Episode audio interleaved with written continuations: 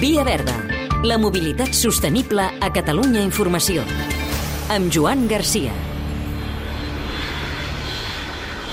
Avui preguntem què fan les aerolínies perquè el fet de volar sigui compatible amb la necessitat de contaminar menys. Javier Gándara, president de l'Associació de Línies Aèries. Aviones más eficientes en el uso de combustibles alternativos, innovaciones como aviones eléctricos o híbridos y, de, por dar un ejemplo, ¿no? pues un avión de, de hoy en día pues eh, emite aproximadamente la mitad de, de, emisiones de CO2 que uno de hace 30 años, por ejemplo, ¿no? Entonces, bueno, ahí se ha invertido mucho dinero y se seguirá invirtiendo. Té sentit que cada país fixi taxes mediambientals a l'aviación comercial? Estamos hablando de un problema que es de dimensión global y, por tanto, las soluciones, en nuestra opinión, deberían ser de, de ese mismo ámbito global. ¿no? Entonces, se debería de oír de iniciativas de tipo local, regional, eh, nacional. El Reino Unido lleva ya mucho tiempo con una tasa que se llama, un impuesto que se llama el Air Passenger Duty, medioambiental. Alemania también la tiene, ahora ha decidido doblarla. Acaba de introducir una ecotasa el gobierno francés. Entonces nosotros pensamos que en vez de estar tomando digamos, ese tipo de medidas a nivel cada uno de los eh, países, lo suyo sería digamos, centrarse en apoyar la implementación de un sistema global a nivel mundial. Les aerolínies demanen als governs que facilitin la creació de l'anomenat cel únic europeu, un sol espai de gestió del trànsit aeri que triplicaria la capacitat d'operacions i reduiria els costos i també les emissions. La fragmentación y la ineficacia del sistema actual de, de gestión del espacio aéreo en Europa provoca alrededor de 10 millones de toneladas adicionales de CO2 que se van al ambiente precisamente por esa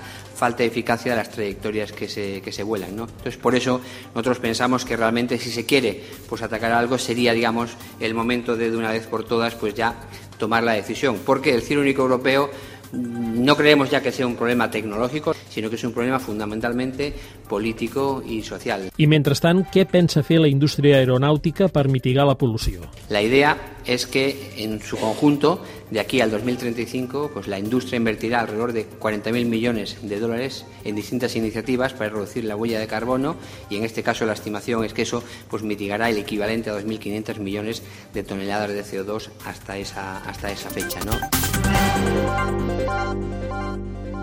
També fa mobilitat sostenible